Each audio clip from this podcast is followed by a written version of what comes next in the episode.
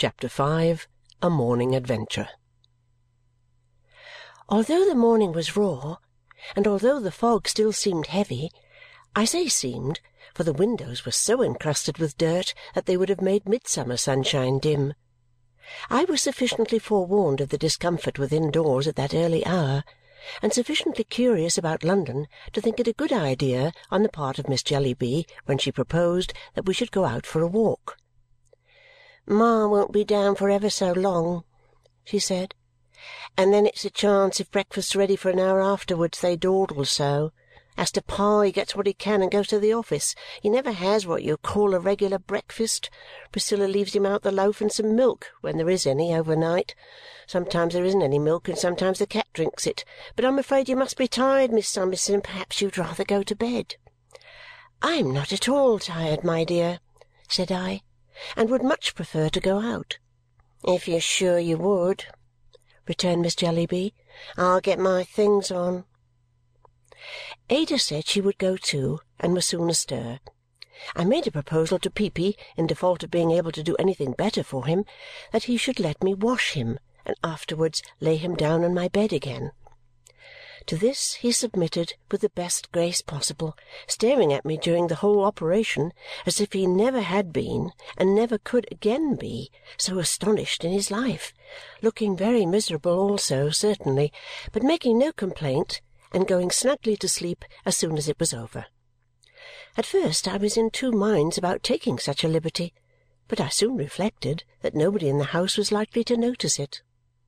What with the bustle of dispatching Peepy and the bustle of getting myself ready and helping Ada, I was soon quite in a glow we found Miss Jellyby trying to warm herself at the fire in the writing-room, which Priscilla was then lighting with a smutty parlour candlestick, throwing the candle in to make it burn better. Everything was just as we had left it last night and was evidently intended to remain so. Below stairs the dinner-cloth had not been taken away, but had been left ready for breakfast. Crumbs, dust, and waste-paper were all over the house.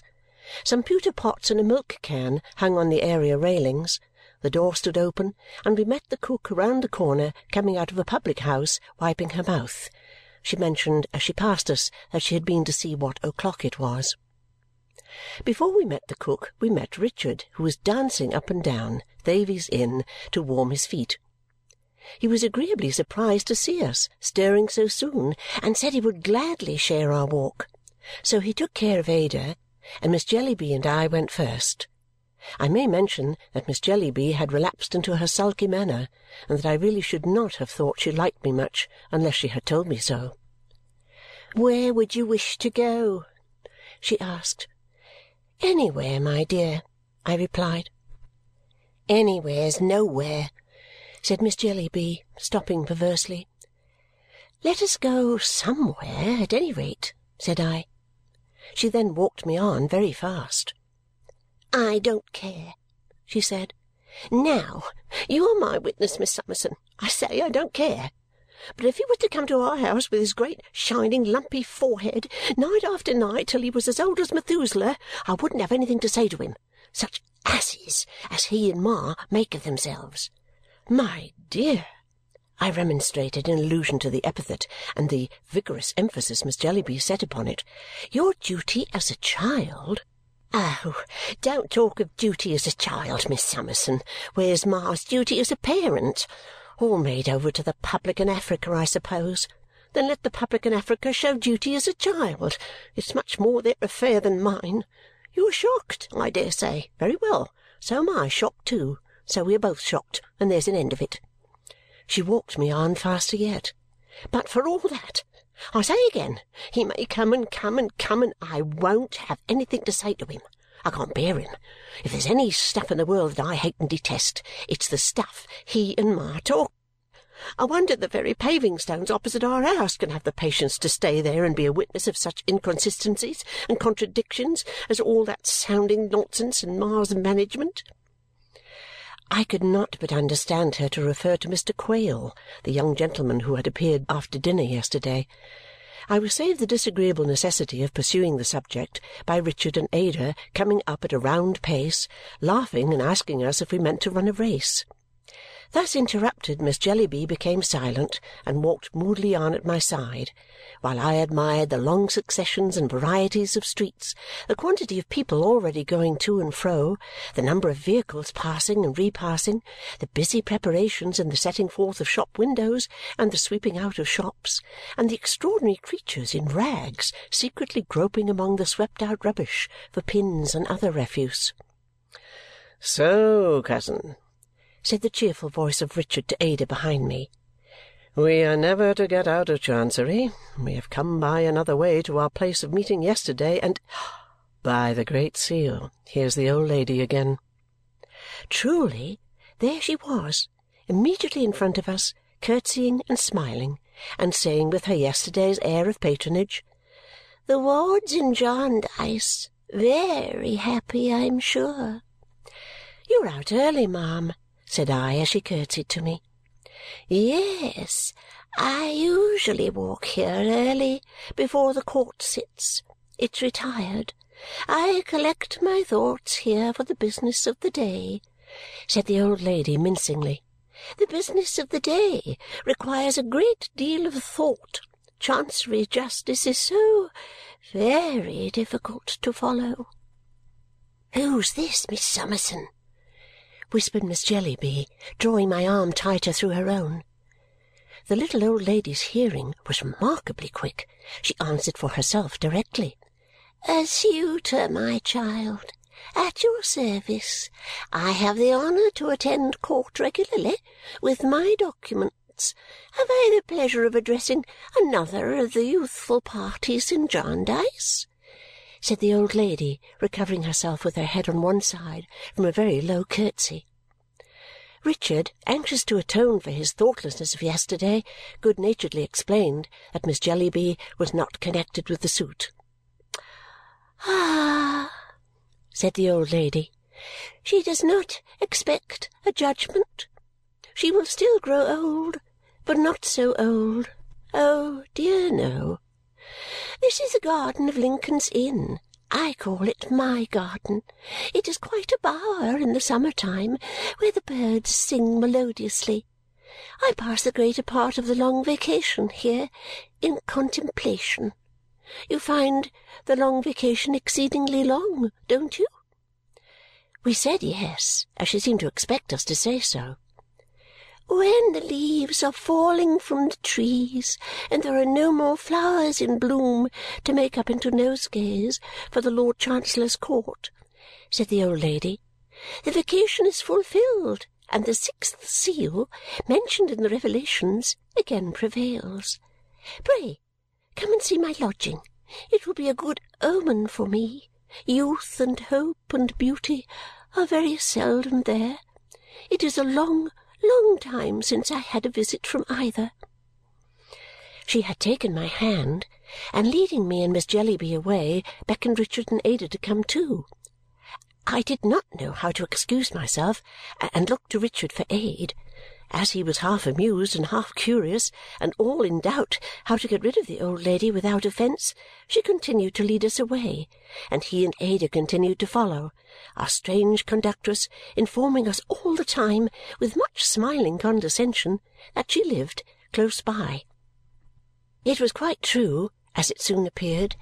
She lived so close by that we had not time to have done humouring her for a few moments before she was at home Slipping us out at a little side gate, the old lady stopped most unexpectedly in a narrow back street, part of some courts and lanes immediately outside the wall of the inn, and said, "This is my lodging. Pray walk up." She had stopped at a shop over which was written Krook, Rag, and Bottle Warehouse. Also in long thin letters, Krook, Dealer and Marine Stores. In one part of the window was a picture of a red paper mill at which a cart was unloading a quantity of sacks of old rags. In another was the inscription, "Bones bought," and in another, "Kitchen stuff bought." In another, "Old iron bought." In another, "Waste paper bought." In another, "Ladies' and gentlemen's wardrobes bought." Everything seemed to be bought and nothing to be sold there. In all parts of the window were quantities of dirty bottles blacking bottles, medicine bottles, ginger beer and soda water bottles, pickle bottles, wine bottles, ink bottles.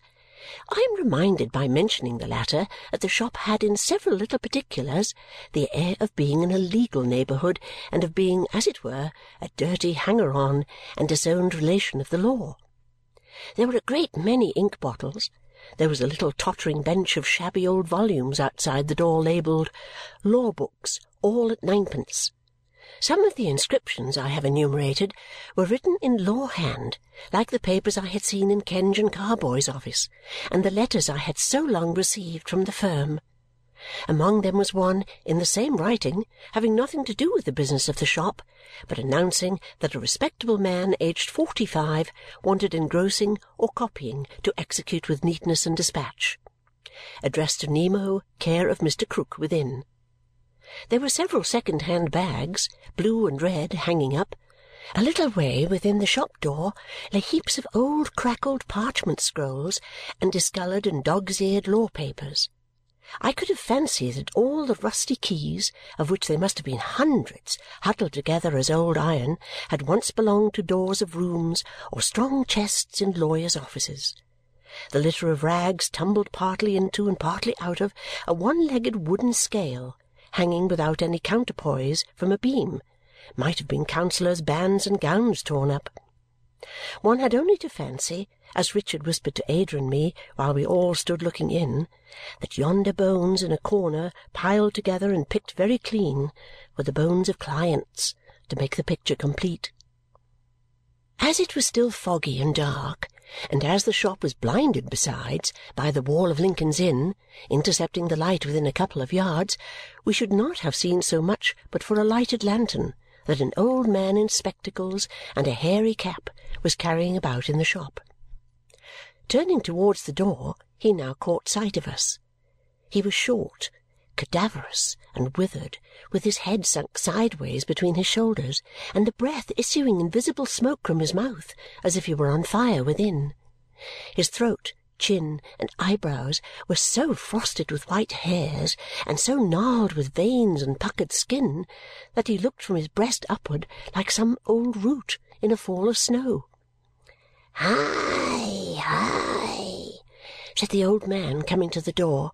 Have you anything to sell? We naturally drew back and glanced at our conductress, who had been trying to open the house door with the key she had taken from her pocket, and to whom Richard now said that as we had had the pleasure of seeing where she lived, we would leave her, being pressed for time. But she was not to be so easily left. She became so fantastically and pressingly earnest in her entreaties that we would walk up and see her apartment for an instant, and was so bent in her harmless way on leading me in as part of the good omen she desired that I, whatever the others might do, saw nothing for it but to comply.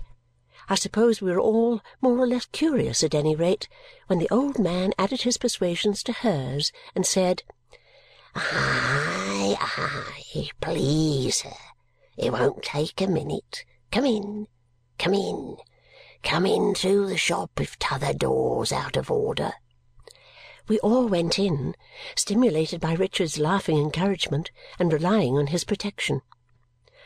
"My landlord Krook," said the little old lady, condescending to him from her lofty station as she presented him to us. "He is called among the neighbours the Lord Chancellor. His shop is called the Court of Chancery. He is a very eccentric person. He is very odd. Oh, I assure you he is very odd." She shook her head a great many times and tapped her forehead with her finger to express to us that we must have the goodness to excuse him. "For he is a little, you know, M," said the old lady with great stateliness. The old man overheard and laughed. "It's true enough," he said, going before us with the lantern, "that they call me the Lord Chancellor and call my shop Chancery. And why do you think they call me the Lord Chancellor and my shop Chancery?" "I don't know, I am sure," said Richard rather carelessly. You see, said the old man, stopping and turning around, they Hi, here's lovely hair. I have got three sacks of ladies' hair below, but none so beautiful and fine as this.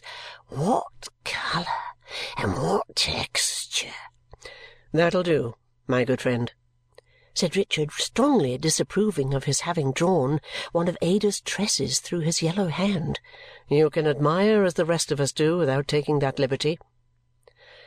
The old man darted at him a sudden look which even called my attention from Ada, who, startled and blushing, was so remarkably beautiful that she seemed to fix the wandering attention of the little old lady herself. But as Ada interposed and laughingly said she could only feel proud of such genuine admiration, Mr. Krook shrunk into his former self as suddenly as he had leapt out of it. You see, I have so many things here, he resumed, holding up the lantern, of so many kinds, and all as the neighbours think, but they know nothing, wasting away and going to rack and ruin, that that's why they have given me in my place a christening. And I have so many old parchmentses and papers in my stock and I have a liking for rust and must and cobwebs, and all's fish that comes to my net, and I can't bear to part with anything I once lay hold of, or so my neighbours think. But what do they know? Or to alter anything, or to have any sweeping, nor scouring, nor cleaning, nor repairing going on about me. That's the way I've got the ill name of Chancery. I don't mind. I go to see my noble and learned brother pretty well every day when he sits in the inn. He don't notice me, but I notice him. There's no great odds betwixt us. We both grub on in a muddle. Hi, Lady Jane!" A large grey cat leapt from some neighbouring shelf on his shoulder and startled us all. "Hi! Show 'em how you scratch. Hi! Tear, my lady!" said her master. The cat leapt down and ripped at a bundle of rags with her tigerish claws with a sound that it set my teeth on edge to hear. "She'd do as much for any one as I was to set her on," said the old man. "I deal in catskins among other general matters, and hers was offered to me. It's a very fine skin, as you may see, but I didn't have it stripped off. That warn't like Chancery practice, though, says you.